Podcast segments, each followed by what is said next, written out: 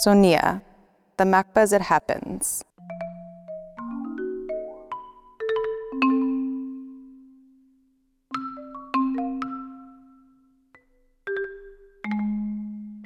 Matthew Fuller is an author and professor of digital media at the Centre for Cultural Studies, Goldsmith College, London. He works in the fields of media theory, software studies, critical theory, and contemporary fiction. In this podcast, Fuller begins with a detailed analysis of the notion of scale, not only in an abstract sense, but as a doorway into pressing issues regarding ethics, ecology, technology, and post human practices. Following Fuller's reasoning, the very idea of scale becomes a fundamentally political question in a context characterized by profound environmental damage. As such, it is a crucial tool to measure and understand the world around us, and to rethink it and our impact on the medium we inhabit. This subtle shift of the collective point of view is, in a sense, the backbone of Fuller's case, which also applies to his recent work around sleep. As he says, people are conscious in different kinds of ways at different levels when they are asleep, but they are also not the classical human subject. So, for a third of our life, we are not the classical human subject, and this maybe provides a possibility for rethinking the human. Sonia talks to Matthew Fuller about sleep, procedural imperialism, big data, post humanity, and what he calls denial of service attacks on people's brains.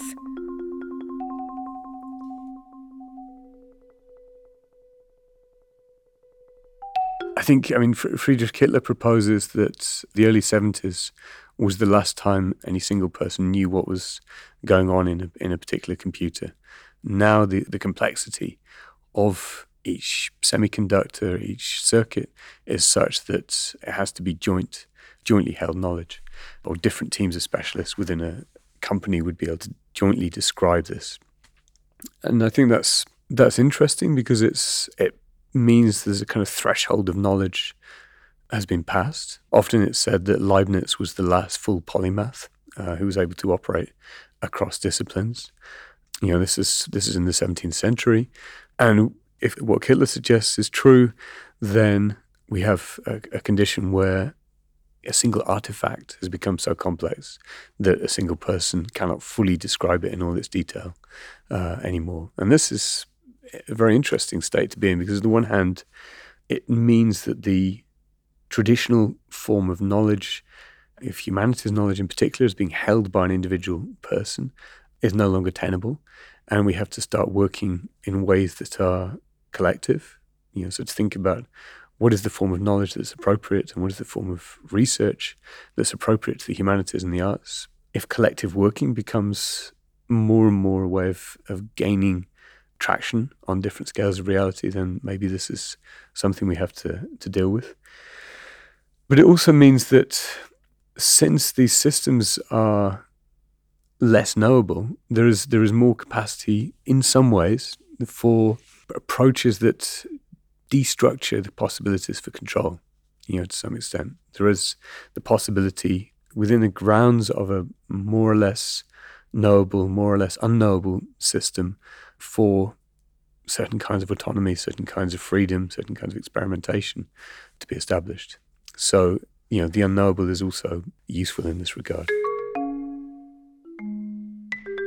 a way of thinking about scale is a scale it's a level of reality that may be produced by thresholds, and the thresholds are between levels of transformation.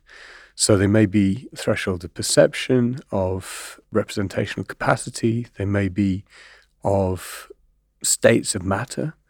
So a scale can also be in terms of the level of description that's appropriate to making a more or less adequate account of something. So that a scale can also be an epistemological scale, so a scale that is to do with the way in which a particular mode of knowledge or sensation, perception, prehension enters into composition with a thing or a process or a dynamic.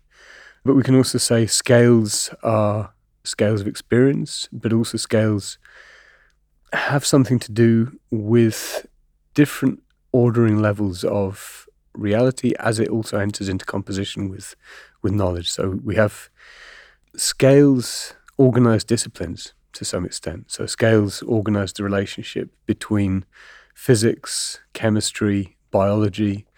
Uh, scales describe the relations between, uh, for instance, design and architecture. Scales are also to do with the way in which both science and art organize and, and structure levels of perception.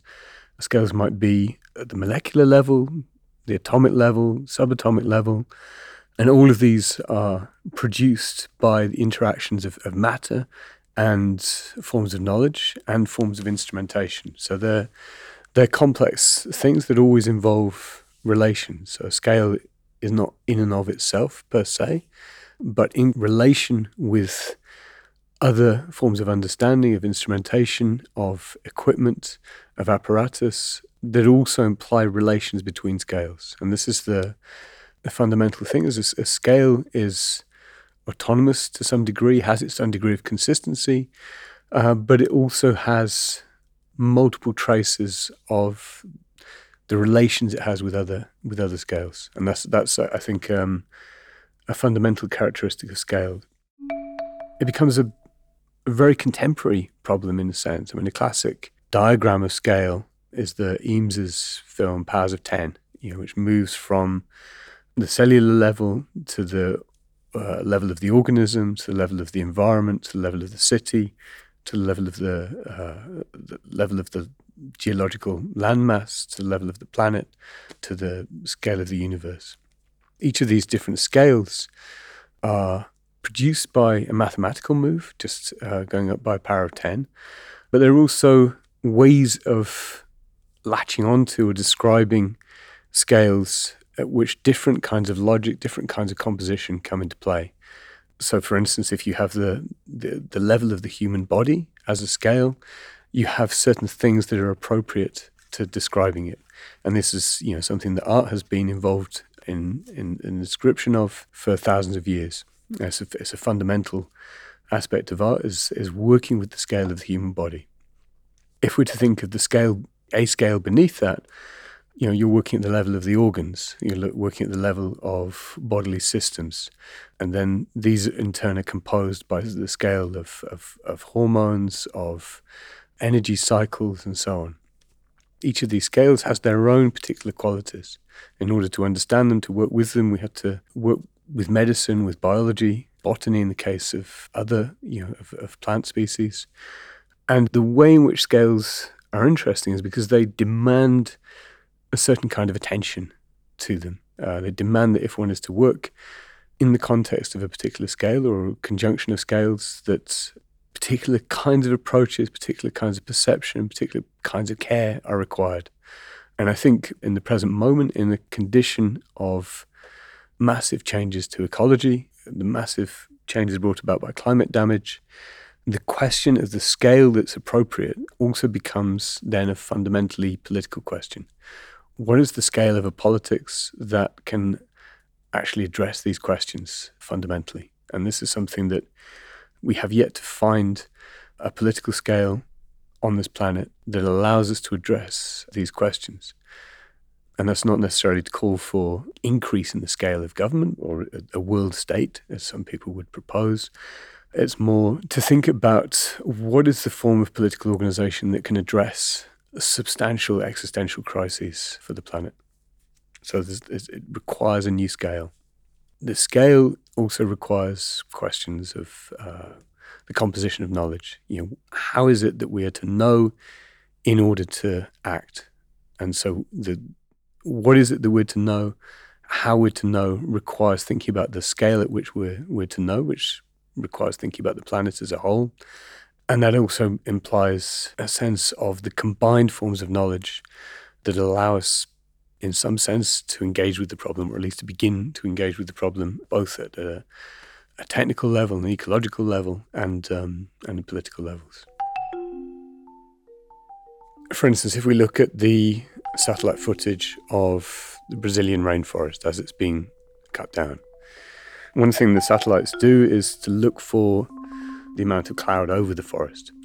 And immediately you've got a direct relationship between the water density in the in the atmosphere above the forest, which is in a, in a certain sense uh, an indicator of its health. And this can be found in certain ways by moving beyond the surface of the planet.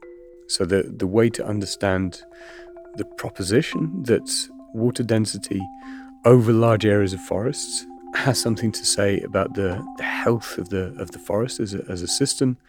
In certain cases, it's helpful to step outside of that scale. So, to the old environmentalist slogan of "think globally, act locally" also implies numerous other numerous other scales of action and, and interaction.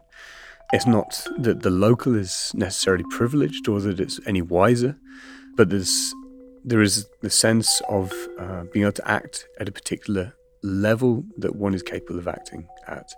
Uh, and one's locality may be uh, a scientific field, it may be um, as, as, as, part of a, a, global network, it may be part of a very local set of initiatives that change the conditions of relation to globality.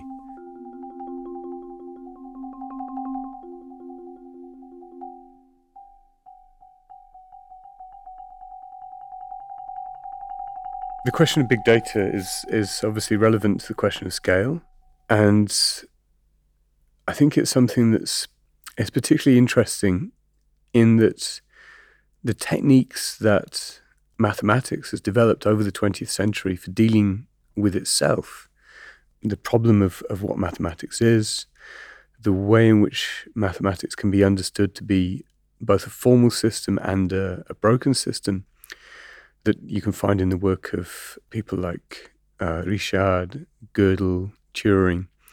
All of these people are working on the, the question of how can you have a system that is itself incomplete? How can how can you have a, a, a way of systematizing knowledge that works, that is active, that is productive in the world, that is also never total? And in a sense, you have a very complex formulation of an abstract machine that produces the, the conditions of possibility for things to be incoherent yet coherent at the same time.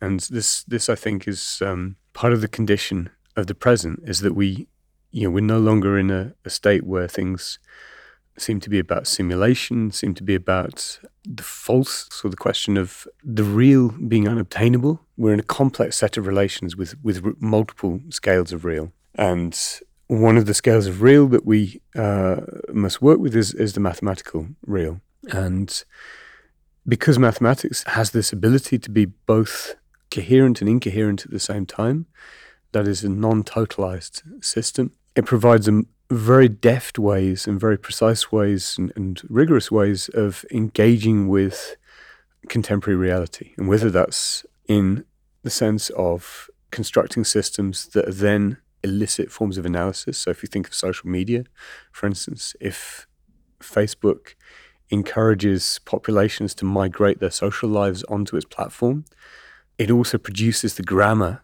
for those interactions. But it's also refreshing and changing the, that grammar on a daily basis or more than daily basis.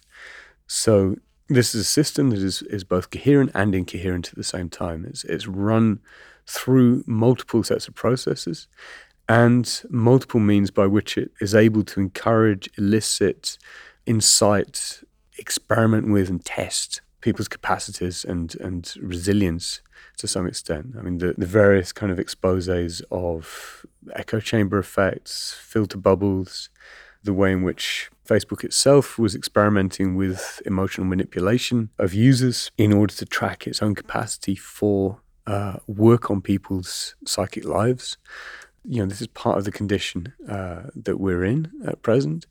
But we can also see that this ability to work with coherence and incoherence also allows us to understand uh, scientific data, you know, in very, um, very interesting ways to try and work with the analysis of data from numerous sources that allows us to find uh, patterns of connection between things or to see hidden degrees of, of causality within enormous data sets, whether they're you know the corpus of 19th century novels or the presence of chemicals within a certain uh, within a certain geographic space.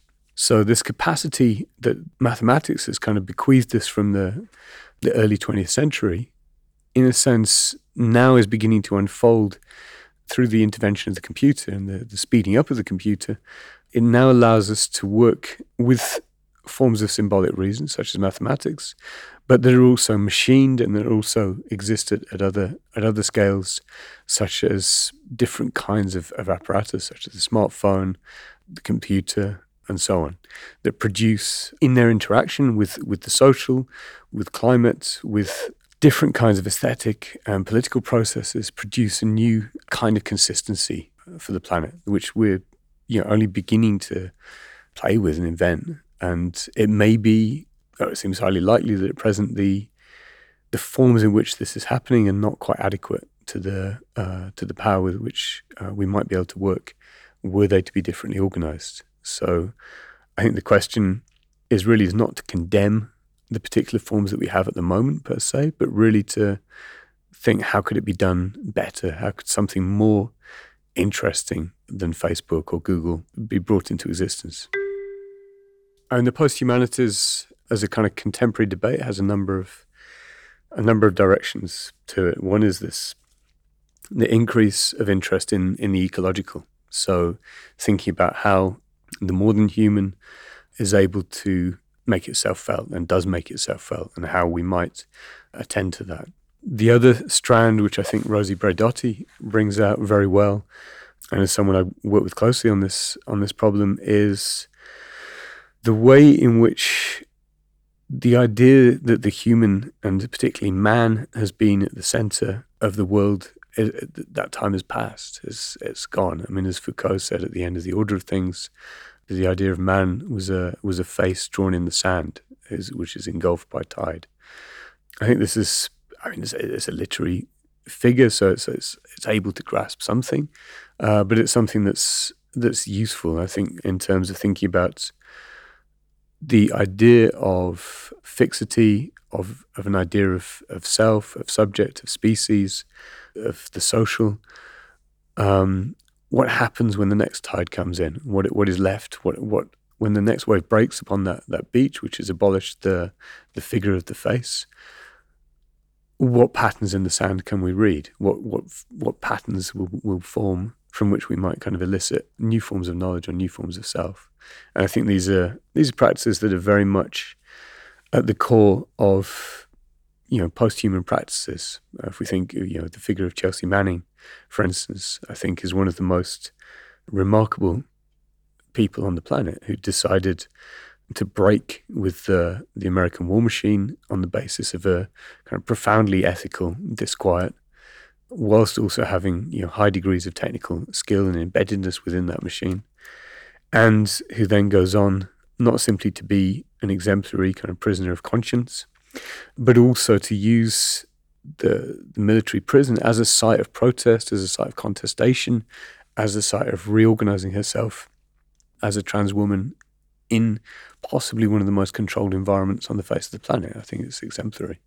This act or this series of acts that used her position to, to force numerous changes that are you know, untold in their consequences. I think this this is also interesting because it's a classic problem of, in the sense that we often see that the world is completely, in its difficulty, it's impossible to change. But then you have someone who's able to work their situation with a degree of precision, degree of rigor, and existential honesty that allows for changes to come about in, in ways that are unforeseen, even in the most controlled environments. And so, to me, Chelsea Manning would be, you know, an exemplary figure in in the idea of what a practical post-human is and what it what we might hope to have from the human in the, in the future. You know, if we can have people who are able to think at the level of the technical, at the level of the political and ethical, at the level of the question of what it means to be embedded within an organization and to challenge that organization, to rethink it, and also to think at the level of what the composition of the human is, what, what one's body is, what one's subjectivity is, what one's relationship to large scale systematizations of reality, such as gender.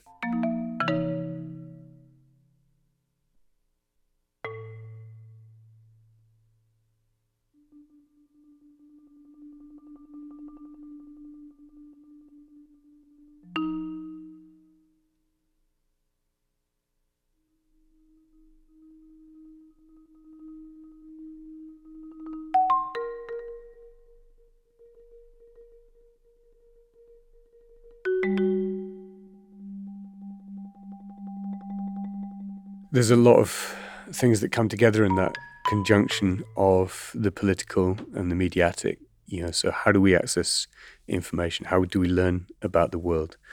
And there's a long history of, you know, in, in media studies and kind of very classical media studies, uh, some of the work of, say, Bagdikian or Noam Chomsky or the, the Glasgow Media Studies Group to present day writers on the political economy of media, Des Freedman, who quite precisely chart the way in which different kinds of media, so television, newspapers, radio, but also increasingly the internet, are implicated in presenting news or quasi news that is at least slanted, that is at least invested in maintaining the interests of you know what you might call the status quo.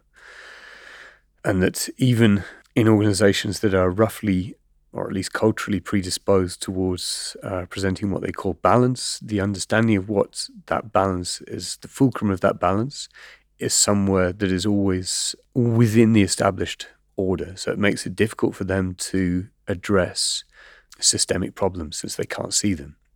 Media have a long history of being unbalanced in a, in a certain way. And this is something that's then intensified by social media platforms becoming the key source of news for you know billions of people on the planet. If you start using you know Facebook as your main source of news, you're allowing the the machine learning algorithms that Facebook uses to determine your what you understand about the world.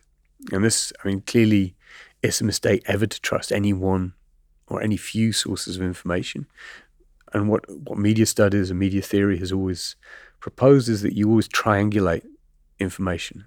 You know, if you if you assume that all information is situated, all knowledge is situated, uh, even if it's knowledge that is you know supposedly politically critical, and so on, it it all has its it, its flaws, and one needs to read around, read with an attention to the way in which different kinds of presentation of information frame the reader as having certain kinds of interests or certain kinds of aptitude for obedience.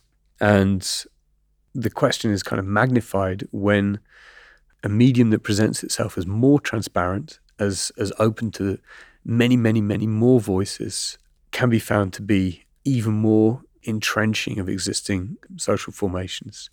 So at the moment we see across much of Europe a kind of crisis in the political form where the established parties of the left and the right become increasingly inadequate to describe the political realities and the complexities of the societies that they imagine they can govern.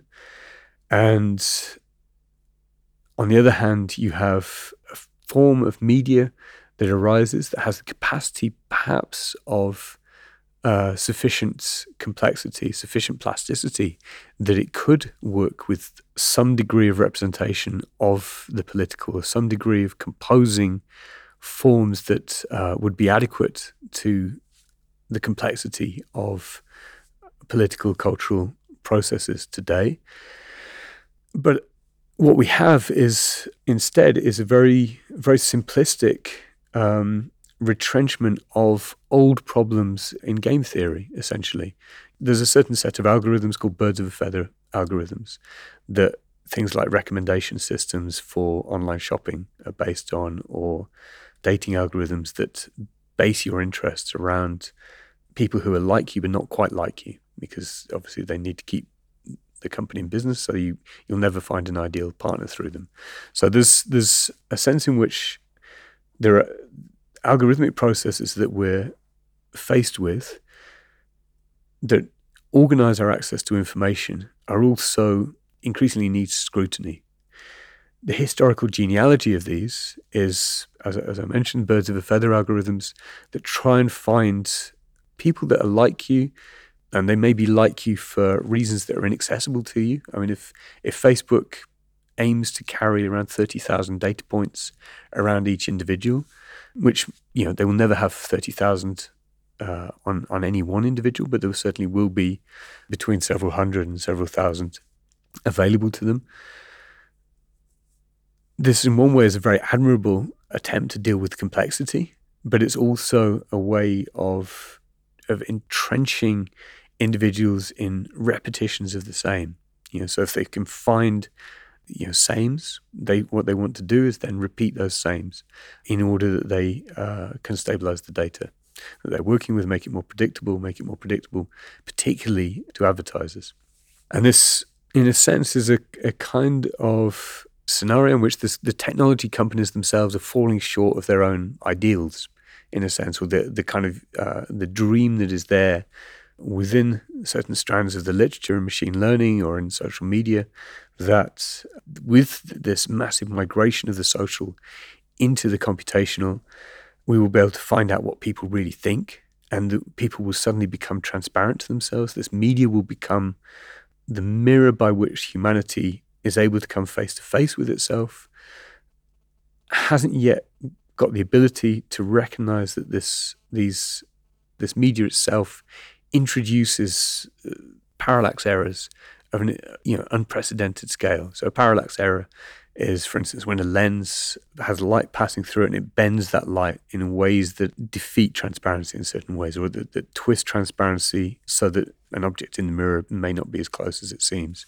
You know, if you see uh, light passing through a glass of water, it bends the straw that's in the glass of water. Each algorithm that uh, these systems are working with has their own parallax effect. And what we need is a, uh, a critical cultural vocabulary that's able to describe those parallax effects. We also need a programming culture and uh, a culture of information technology development that is able to see these things and to work with them on an experimental basis. This is not to say that you know parallax errors by any means are bad, but they're part of the medium, and we need to we need to understand how to work with that medium. We also might think, you know, why is it that these uh, these systems that fundamentally shape contemporary culture are owned by private companies? What are the other forms of development that would be appropriate? What are the ways in which different kinds of economic, organizational, political structure can might develop social media or other kinds of technical platform?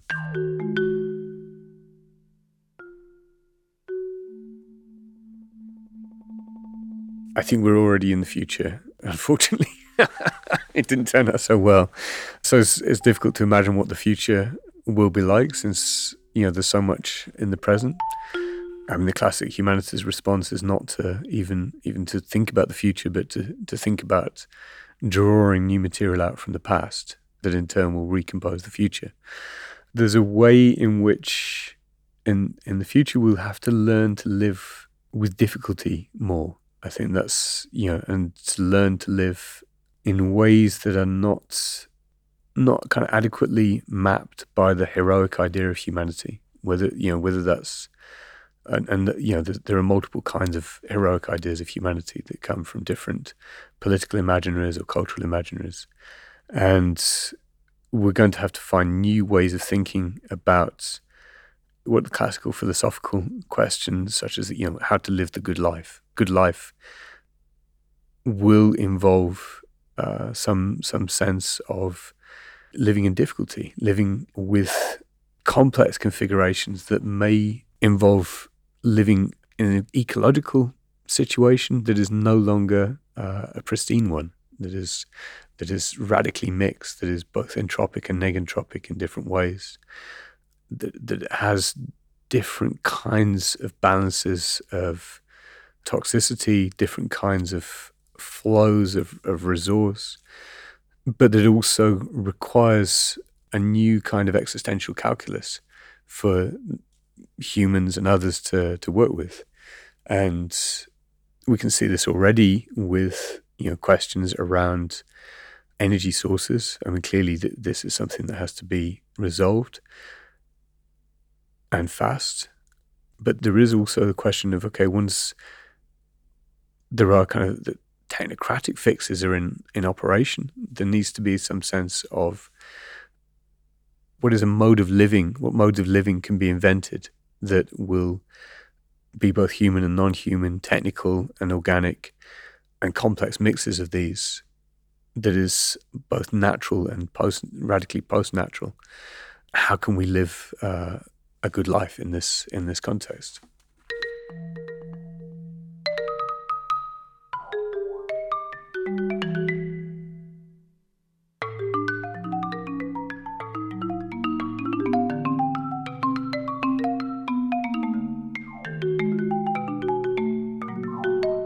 everyday forms of communication in organizations are often the things that bring that that organization crashing to its knees in terms of not necessarily the, the actual function of it, but the, the experience of working in such a place. So forms of meeting, forms of information dispersal, forms of communicational culture that effectively set up denial of service attacks on people's brains.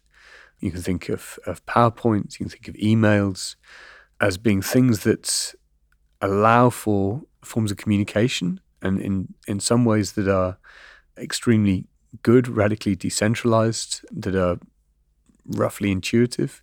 But there are also things that produce. I mean, in the nineties, the, the the idea was that spam was was an amazing novelty that was somehow integral to the internet. Spam is now filtered out by most email clients using machine learning.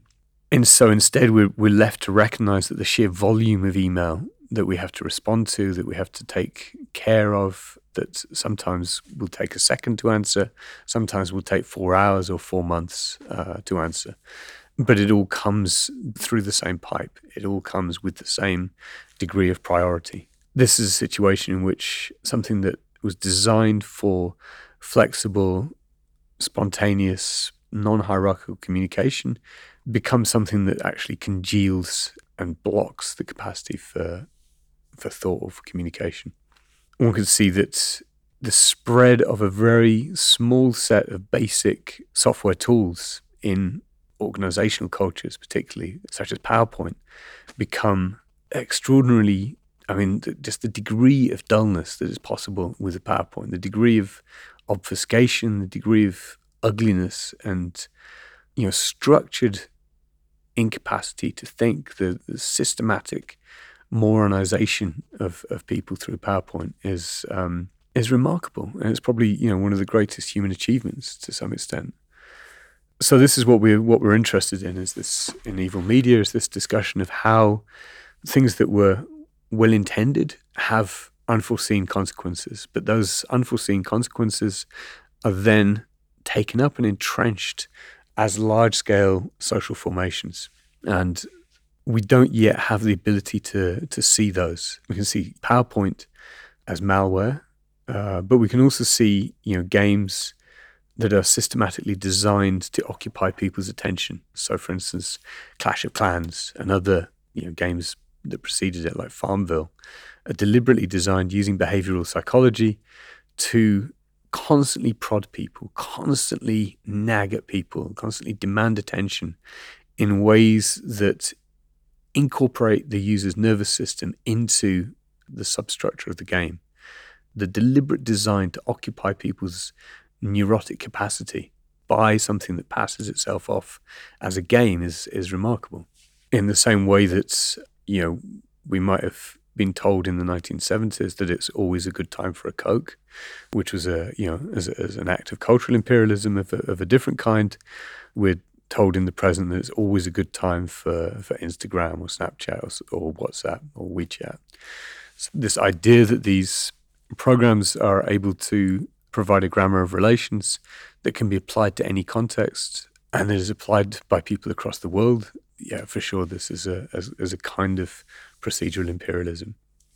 A procedural imperialism would be something that assumes a certain set of steps are appropriate for carrying out a certain action and will always be appropriate to that action, no matter where they're carried out in the world, no matter who they're carried out by, and what conjunction of relations and scales is brought together in, in that action.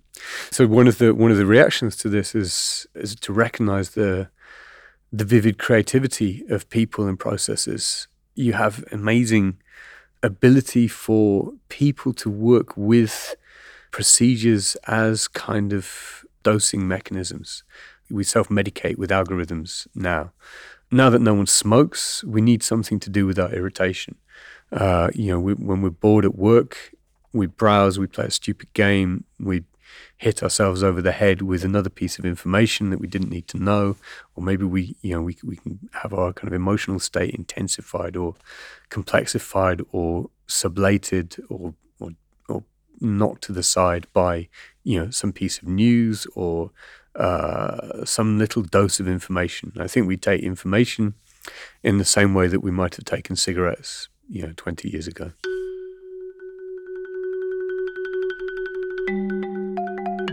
Sleep is a fundamental part of human culture, but it's really unreflected on. There are enormous numbers of books around sex, there's enormous number of books around food, money is always a popular topic. But we do spend roughly a third of our lives asleep. But yet it's not it's not thought about, it's not written about. And it's an interesting thing, obviously, to to look for something that everyone does, but that no one no one really works out what it is. Sleep science, on the other hand, is a massively active field, partly because there's a large pharmaceutical industry associated with it. There's a large medicalization of sleep, which is you know is also highly beneficial in some respects, but also indicative of you know other problems in society that are relayed through sleep. Uh, you know, insomnia, depression, sleep apnea, diet producing difficulties with people's organism, uh, and so on. So, what I was looking at was how to think about sleep through cultural representations, its, its cultural manifestations as well as representations, and the way in which there are traces of sleep in philosophy, in cultural theory more broadly, and in the way that the history of sleep science, and in that I draw very, very strongly on the brilliant work by uh, Kenton Kroker, which is the history of, of sleep science, which is you know a, a far more scholarly and uh, thorough piece of work than my own, sets out the way in which sleep science moves from being a kind of marginal experimental practice to being, you know, the, the kind of massive interdisciplinary field that brings together medicine, neuroscience, uh, psychology, and other forms of science that it is today. And this, so what I'm interested in looking at is how, in all of these forms, we can say that sleep has an aesthetics. And part of this involves looking at how sleep is arrived at in different cultures, in different art forms, and in different descriptions of the, the biological systems that produce sleep. So, looking at the way in which sleep relies on the interaction, the phased interaction of two different systems, the homeostatic system and the circadian system in the, in the human body, and how these two systems are relatively autonomous from each other, but also produce overlaps that produce sleep uh, or, or difficulties with sleep, so jet lag, for instance. And this idea of the, the human body as being composed of two overlapping systems then leads on to think about the questions of the composition of the body more generally. And to do this, I follow an early Greek philosopher, Empedocles, who was trying to work out how the human body developed. So, using the basic kind of observational tools of pre Socratic philosophy, from making the proposition that uh, before humans evolved, there were independent, autonomous parts of the human body roaming the landscape. So, eyes, foreheads, arms, legs, that would then aggregate together to produce the bodies that we're, we're kind of familiar with, or more or less familiar with in the present. So, the idea is that Empedocles, although as a kind of factual description, possibly it, it doesn't work out too well, but as a as a kind of conceptual description of the human body, which is still something that's held together as a relatively well orchestrated set of systems and components and organs, processes, is still something that has high degrees of, of variation within it and high degrees of autonomy between different systems, and also uh, substantial problems with the interference of different systems in particular bodies or within bodies in general that produce illnesses, discomforts, diseases, and so on, or things that are experienced as such. The question was to think okay, we're, we're in an age of experimental bodily practices with trans, for instance, with different kinds of ecological, sexual reinventions of the body. How can we do something like that for an everyday practice that is taken for granted? How can we reinvent sleep in some way? Or how can we take sleep out of the kind of anesthetized comfort zone that it's in and think about it as a more kind of um, experimental bodily practice that everyone is part of. Crary's book is, is a fantastic opening to the debate around sleep and its position in contemporary society. And I think Crary, you know, is extremely precise and, and useful in his uh, nailing of this condition. What I think I wanted to do is, is complement that work by saying, okay, so sleep is, is something that is being recomposed and is being degraded by contemporary forms of life. What is another imaginary of, of sleep? What can we do with sleep if we think about it as something with with a more kind of perhaps vitalistic or creative set of impetuses? A lot of political discourse is about people who are awake, you know, people who are able to deliberate, people who discourse, people who are subjects in this sense that are that are, that are able to speak in the classic sense of a subject as the locus of rationality, or in the kind of Foucauldian sense of a subject as those entities that are subject to different kinds of relational force that produce them as as subjects. And sleep is a way in which people kind of step outside of that that obligation. And it's if you think of the, the, the sleeping body in, in classical art, you see that this is when the body becomes most possible to speak about. The representation of the, the sleeping or the, the awake nude, for instance, in classical art, there's an enormous number of nudes that are asleep. And then it becomes permissible to understand the, the, the sleeping person as an object when they're asleep, when they're not exercising their, their capacity of wakefulness.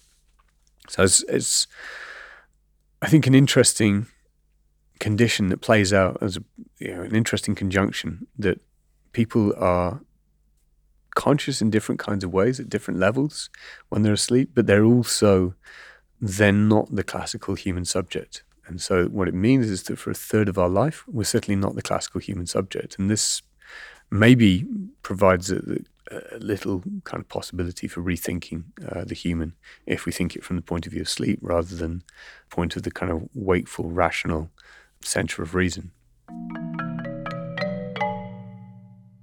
In Western capitalism, sleep is chewed at, nagged at, cut apart by enormous numbers of demands that are made on people's waking lives that then eat into uh, then eat into to sleep, and that sleep is also something that's then being commodified. You know, so it becomes a kind of terra nullius that you know pharmaceuticals, mattress makers, other kinds of business can extract value from. The amount of investment that goes into making people dependent on certain kinds of commodities for sleep is is remarkable. Sleep drugs, medications for sleep, even those that are addictive, are relatively easily available. That seem to be, you know, fundamentally not answers to the the problem of sleep in contemporary society because of the their ease of production, their uh, substantial profit that is made for them, the way in which they fit into notions of medication and of care that are to do with the making responsible of the individual. All of these also tell us something about contemporary uh, contemporary society. hypnagogia or other states are something that have been mined by artists and, and writers for, for a long period. And there's a good literature uh, on those as a, as a kind of threshold between full wakefulness and full sleep. They're, they're extremely interesting to think about how we judge the primary state of human experience to be uh, one that's located in, in full wakefulness. I think it's interesting to look at other modalities of, of experience. And if sleep becomes a fundamental locus of experience, an experience that we cannot experience, how do we then also think about what it is we experience, what it is we undergo, what it is we sense when we're awake? So if, if sleep becomes the point of orientation, how does that change our capacity for understanding drowsiness, boredom, you know, just the kind of normal experience of uh, being awake in contemporary society.